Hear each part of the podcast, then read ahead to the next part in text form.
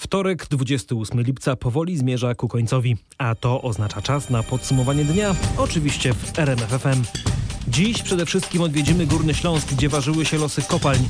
Przeanalizujemy przyjęte przez rząd rekomendacje budżetowe na 2021 rok. Cały czas trzymamy też rękę na pulsie koronawirusa. Coraz więcej krajów obawia się nadejścia kolejnej fali epidemii i na nowo wprowadza zaostrzenia. Podejrzymy też, jak wygląda nowy polski samochód elektryczny. Wizualnie tworzy to rodzaj takiego kielicha, kształtu takiego tulipana w kokonu, w którym się mieszczą pasażerowie i kierowca. Ale najpierw jedziemy i to raczej lokomotywą spalinową na Śląsk. Jonasz Jasnorzewski, zapraszam. Górnicy mieli usłyszeć dziś plan restrukturyzacji w Polskiej Grupie Górniczej, ale go nie usłyszeli. Dlaczego? O tym Anna Kropaczek. Jak wynika z informacji rzecznika Ministerstwa Aktywów Państwowych, zarząd PGG zrezygnował z przedstawienia planu, ponieważ związkowcy, do których docierały informacje na temat jego szczegółów, stwierdzili, że jest nieakceptowalny.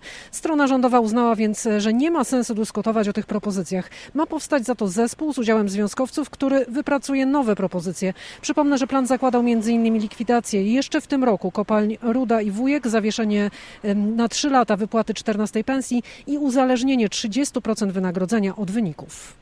Górnikom trudno się dziwić. W końcu nie kto inny jak sam prezydent Andrzej Duda mówił, że dopóki to on będzie pełnił w Polsce urząd prezydenta, nie pozwoli, by ktokolwiek zamordował polskie górnictwo. A o los kopalni nie dalej jak 16 czerwca tego roku na antenie RMFFM Robert Mazurek pytał, a wicepremier i minister aktywów państwowych Jacek Sasin odpowiadał. Czy wszystkie z 12 kopalń, które zostały zamknięte, wrócą do pracy w takim samym wymiarze, jakim pracowały tak, wcześniej. Tak, bezwzględnie tak. Krótko. I żadna z nich nie zostanie zamknięta. Nie zostanie. To jest jednoznaczna deklaracja. Znaczy, tylko no bo teraz nie zostanie, no bo ja nie mogę mówić, co będzie za lat ileś, prawda? A to, ja mogę to, to powiedzieć, mamy, mamy że dopóki, oczywiście dopóki proces. ja pełnię w Polsce urząd prezydenta i tego nie mówię ja Mazurek, tylko cytuję no. E, Andrzeja Dudę. Otóż dopóki ja w Polsce pełnię urząd prezydenta, nie pozwolę, by ktokolwiek zamordował polskie górnictwo. Tak, no to prawda, bo nikt nie ma zamiaru zamordować, przynajmniej mówię Prezydent za siebie. Też mówię tym, za siebie, mówię za Prawo i Sprawiedliwość. Nie mamy zamiaru absolutnie zamordować polskiego górnictwa, wręcz przeciwnie, robimy wszystko, żeby to górnictwo uratować w niezwykle trudnej sytuacji, w jakiej się znalazło. Najwyraźniej pomysł na ratunek górnictwa, ten stworzony przez rząd, a pomysł na ratunek y, według górników to jednak dwie różne, niewykluczone też, że sprzeczne ze sobą koncepcje. Zgodzić można się za to co do tego, że jest nad czym myśleć i co restrukturyzować. Sytuacja grupy PGG jest raczej nie do pozazdroszczenia. Spółka w 2019 roku przyniosła ponad 400 milionów złotych straty. Związkowcy na spotkaniu usłyszeli deklarację zarządu PGG, że do końca roku nie będzie problemu z wypłatą wynagrodzeń.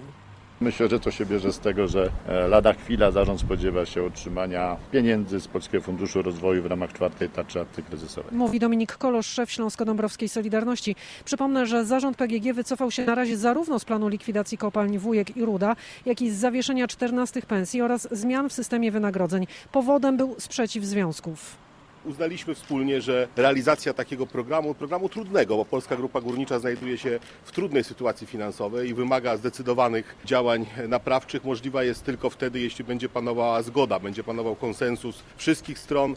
Mówi po spotkaniu wicepremier Jacek Sasin. Nowy plan mamy poznać za dwa miesiące. Nie tylko PGG znalazła się w trudnej sytuacji. Dziś rząd przyjął założenia dla przyszłorocznego budżetu państwa. I o ile 2021 rok nie wygląda źle, prognozowany wzrost PKB ma wynieść 4%, a inflacja 1,8%, to ten rok raczej powinniśmy spisać na straty.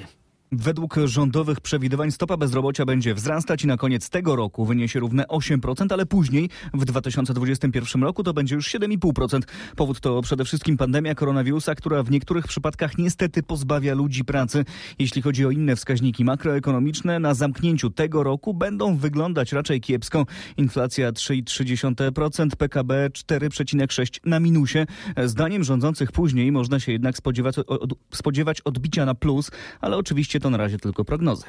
Ekonomista Paweł Majtkowski podchodzi jednak ostrożnie do tych założeń generalnie rząd zakłada, że uda nam się w 2021 roku nadrobić spadek PKB z roku 2021, czyli mniej więcej na koniec 2021 roku będziemy mieli taki produkt krajowy brutto, jak mieliśmy na początku roku 2020 przed pandemią. W przypadku inflacji rząd zakłada 1,8%, czyli mniejszą inflację niż wynikało z prognoz Narodowego Banku Polskiego. Ten prognozował wzrost o cen o 2,3 w ciągu, w ciągu roku.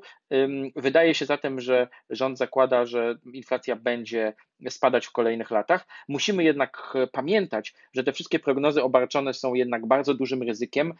To ryzyko to przede wszystkim druga fala pandemii, która może bardzo wiele zmienić, nie tylko jeżeli chodzi o zdrowie, ale także jeżeli chodzi o gospodarkę.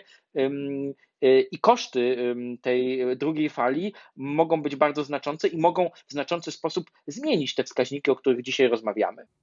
Rząd przyjął też propozycję w sprawie płacy minimalnej. Od przyszłego roku ma być wyższa o 200 zł i wynosić 2800 zł brutto.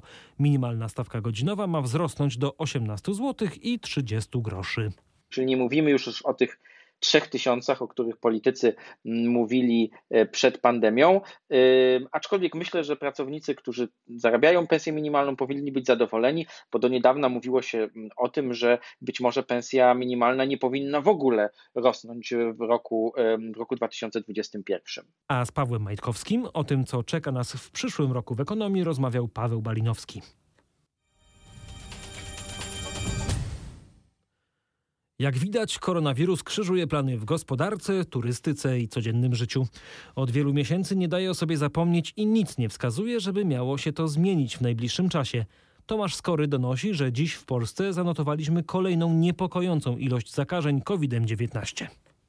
Według tych najświeższych danych w ciągu jednego dnia w Polsce stwierdzono aż 502 zakażenia koronawirusem, a zmarło 6 osób. Wyzdrowiało dziś tylko 187. Nie ma zaskoczenia, jeśli chodzi o rozkład przypadków w województwach. Najwięcej 161 zachorowań na Śląsku, w Małopolsce 91, w Mazowieckim 62 i w Wielkopolsce 45. W danych rzuca się w oczy, że liczba stwierdzonych przypadków wyraźnie wzrosła w porównaniu z danymi, jakie otrzymujemy od połowy czerwca. Granice 500 zachorowań dziennie w ogóle od początku epidemii w Polsce przekroczyliśmy tylko 8 razy. Ostatni miał miejsce 17 czerwca, a przecież nie dalej jak w sobotę mieliśmy niemal 600 przypadków. Najnowszy raport mówi także o 6 zgonach, w większości seniorów, a także 38-latki w Bożu. Większość zmarłych cierpiała też na choroby współistniejące z koronawirusem. Po prawie 5 miesiącach epidemii jej bilans to prawie 44 tysiące zakażonych i 1682 zmarłych.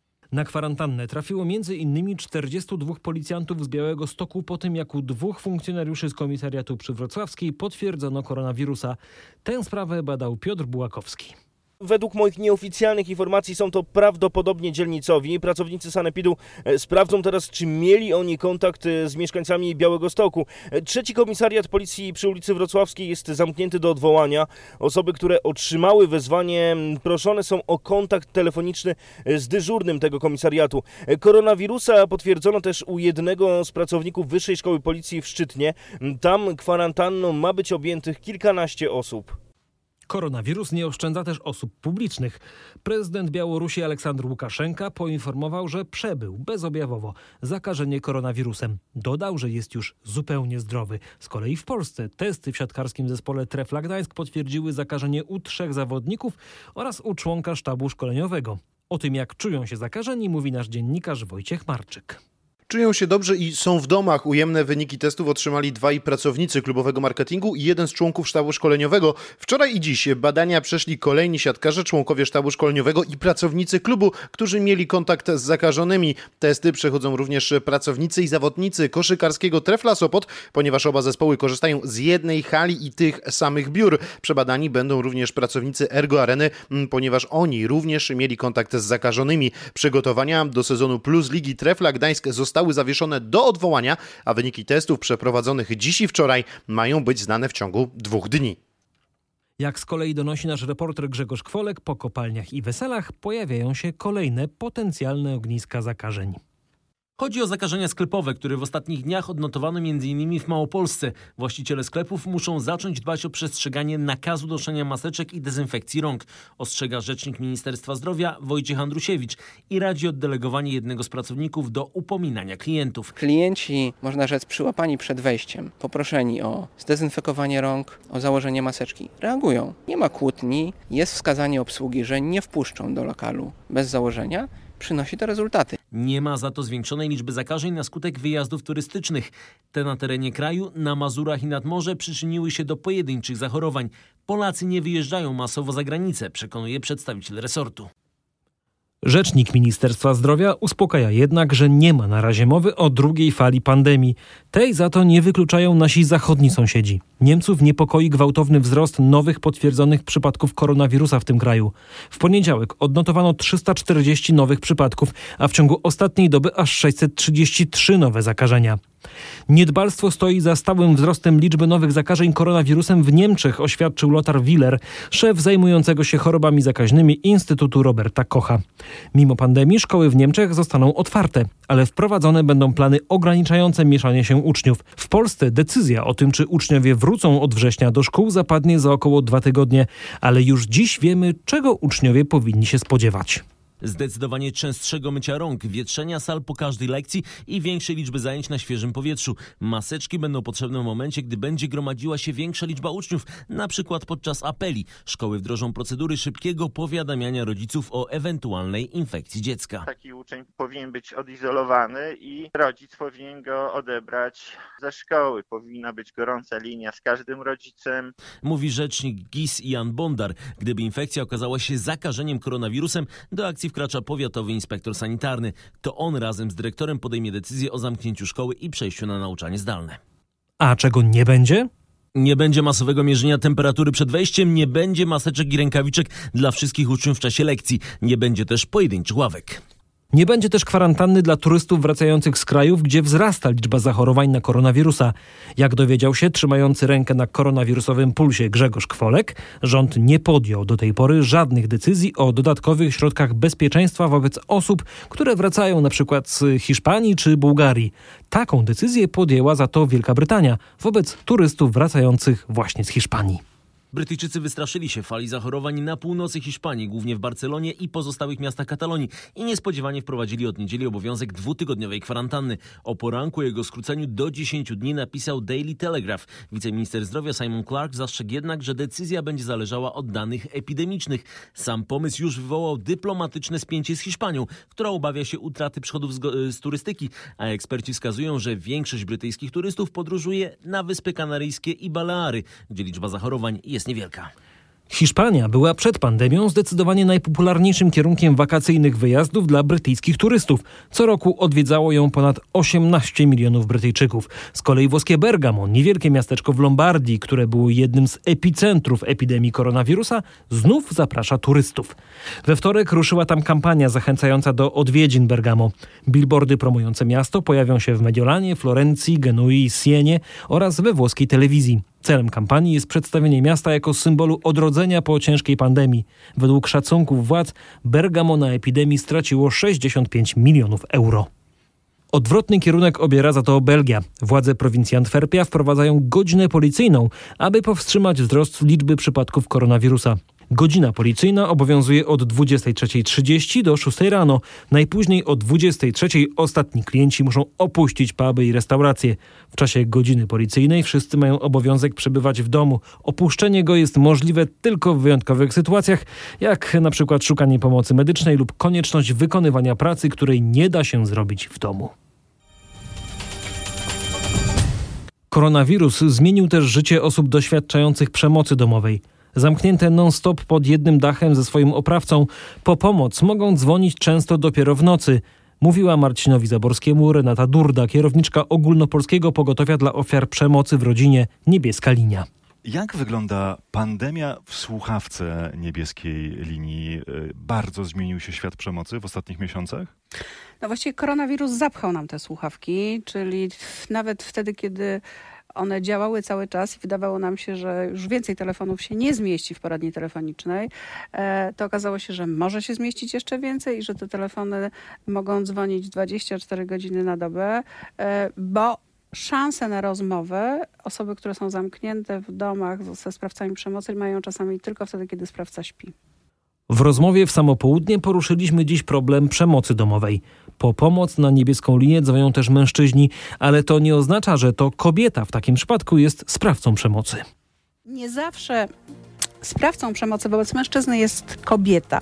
Bo często tak myślimy, że jeśli kobiety doświadczają przemocy, to sprawcą jest mężczyzna. Jeśli mężczyzna doświadcza przemocy, to kobieta no to stosuje jeśli przemoc. dzwoni na niebieską linię mężczyzna, który doświadcza, doznaje przemocy, to, to z czyjej strony jej yy, Ojca, doświadcza? syna, wnuka, brata, innego mężczyzny z systemu rodzinnego. Także oczywiście kobiet. Mogą to być e, matki, mogą to być wnuczki, córki e, czy partnerki, małżonki, e, ale ta kategoria, kiedy to mężczyzna, mąż czy partner doświadcza przemocy ze strony swojej, swojej żony czy też partnerki, wcale nie jest taką dużą kategorią.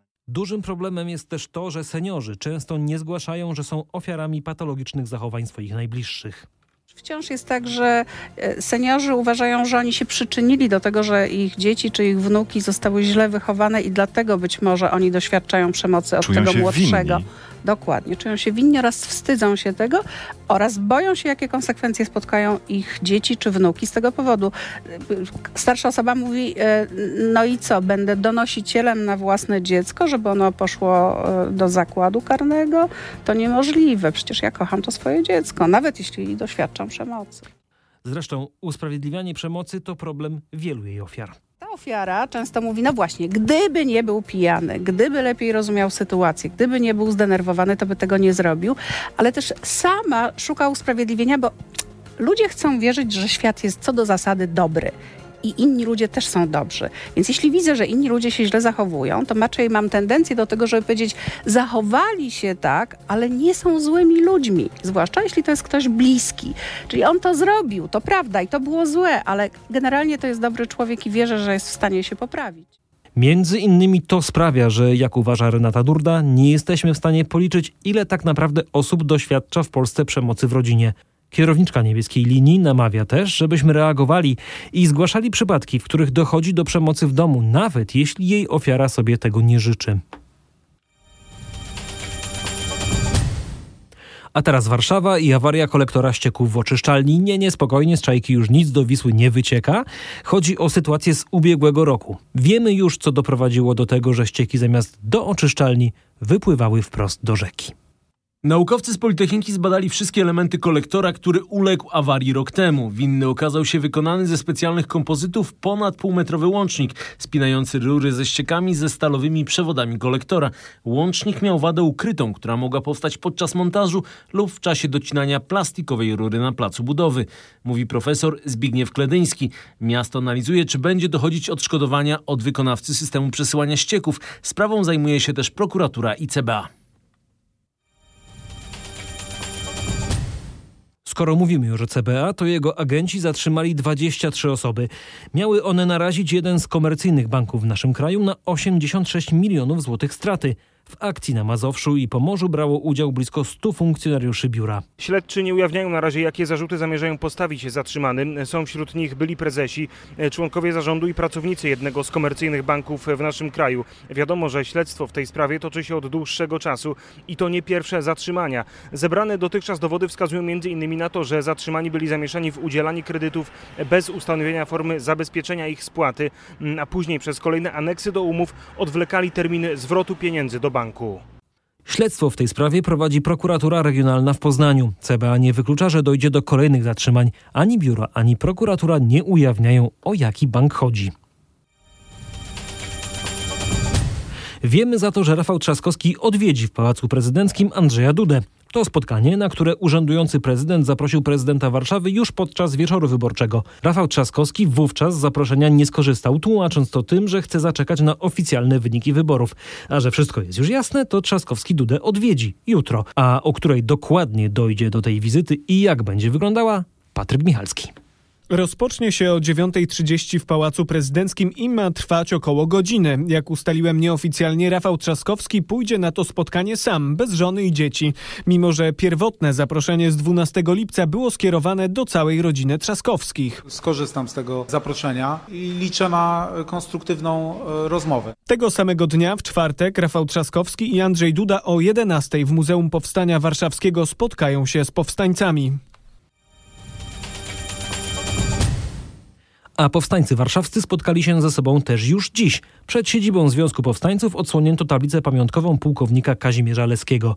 To obchody inne niż wszystkie podkreślali uczestnicy uroczystości związanych z rocznicą wybuchu Powstania Warszawskiego. To są takie obchody epoki COVID-u. To powoduje, że jesteśmy bardziej rozproszeni. Dzisiaj już jest spotkanie, udaje się zachować ten reżim. Tak, udaje się, jest mniej ludzi. No nie można się narażać, a szczególnie naszych powstańców, których jest coraz mniej. Jak pani czuje się w czasie takich uroczystości innych niż w poprzednich latach? Sytuacja jest nienormalna, prawda? Ale ja mam nadzieję, że ci, którzy pamiętają o powstaniu, że zrobią wszystko, żeby powstanie było upamiętnione. O czym dzisiaj pani myśli po 76 latach?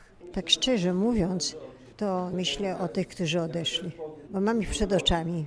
Z uczestniczką powstania Haliną Jędrzejewską, pseudonim Sławka oraz Rafałem Szczepańskim, prezesem Fundacji Pamięci o Bohaterach Powstania, rozmawiał nasz reporter Michał Dobrowicz.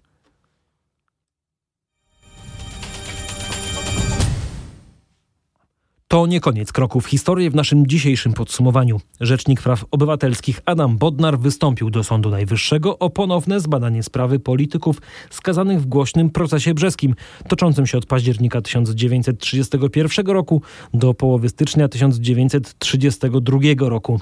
Sąd Okręgowy w Warszawie 88 lat temu uznał, że grupa opozycyjnych polityków centrolewu, która sprzeciwiała się polityce Józefa Piłsudskiego, brała udział w spisku obalenia przemocą rządu.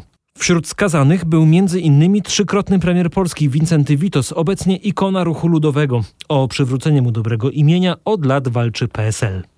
RPO podkreśla, że przedwojenni politycy zostali skazani bez podstawy prawnej w ramach walki politycznej. Chodzi nie tylko o przywrócenie im dobrego imienia, ale także o sygnał, że bez względu na to, kto rządzi, złamanie prawa powinno być nazwane wprost, nawet po wielu latach, mówił Adam Bodnar. Jeżeli nie dbamy o przeszłość, to nie dbamy równocześnie o przyszłość i o przestrzeganie praw i wolności e, obywatelskich w naszej e, ojczyźnie. Także traktuję kasację także w kategoriach edukacyjnych. To symboliczny dzień i symboliczny gest, bo dziś PSL świętuje 125-lecie powstania ruchu ludowego, co podkreślał szef ludowców Władysław Kosiniak-Kamysz.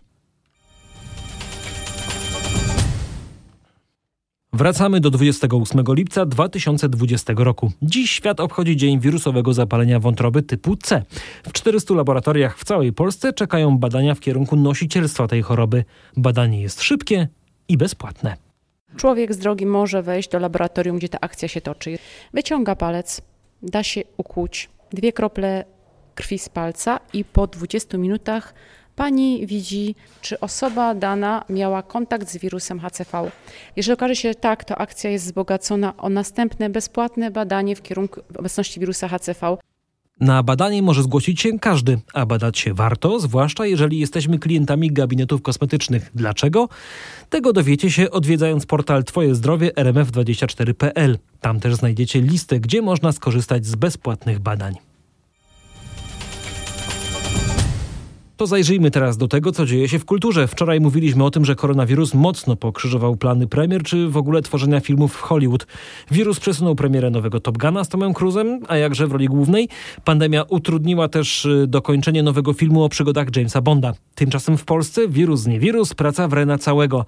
Na Śląsku padł pierwszy klaps na planie filmu o Edwardzie Gierku. Tu rolę pierwszego sekretarza PZPR w latach 70. zagra Michał Koterski. Trwają też zdjęcia do nowego filmu Wojtka Smarzowskiego pod roboczym tytułem W2, co skrzętnie odnotowuje Katarzyna Sobiechowska-Szuchta. Tu w obsadzie są m.in. Robert Więckiewicz, Agata Kulesza, Arkadiusz Jakubik i Michalina Łabacz. Zdjęcia potrwają do przełomu października i listopada. Jesienią przyszłego roku planujemy premierę, mówią producenci. W2 to tytuł roboczy. Wcześniej mówiło się o Weselu 2, ale to oczywiście nie będzie kontynuacja. Akcja rozgrywać się ma współcześnie. Będą też historyczne retrospekcje. Zdjęcia do filmu Gierek zaczęły się w Ustroniu, gdzie przywódca partii komunistycznej spędził ostatnie swoje lata. Żonę sekretarza zagra Małgorzata Korzuchowska. Za reżyserię i zdjęcia odpowiadają wspierają bracia Węgrzyn, twórcy filmu Proceder o raperze Tomku Chadzie. Premiera jesienią za rok. A już teraz nowy film Małgorzaty Szumowskiej dostał się do konkursu głównego Międzynarodowego Festiwalu Filmowego w Wenecji.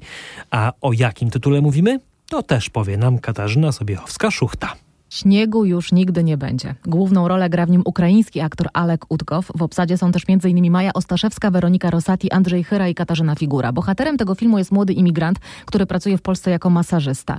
Listę 17 filmów zakwalifikowanych do konkursu głównego Wenecji przekazał dziś dyrektor tego festiwalu Alberto Barbera. Współreżyserem filmu Never Gonna Snow Again Szumowskiej jest Michał Englert, a szefową jury będzie w tym roku sama Kate Blanchett. Festiwal w Wenecji odbędzie się między 2 a 12 września i będzie to jego 77. edycja, która przez wzgląd na pandemię koronawirusa toczyć się będzie z zachowaniem reżimu sanitarnego.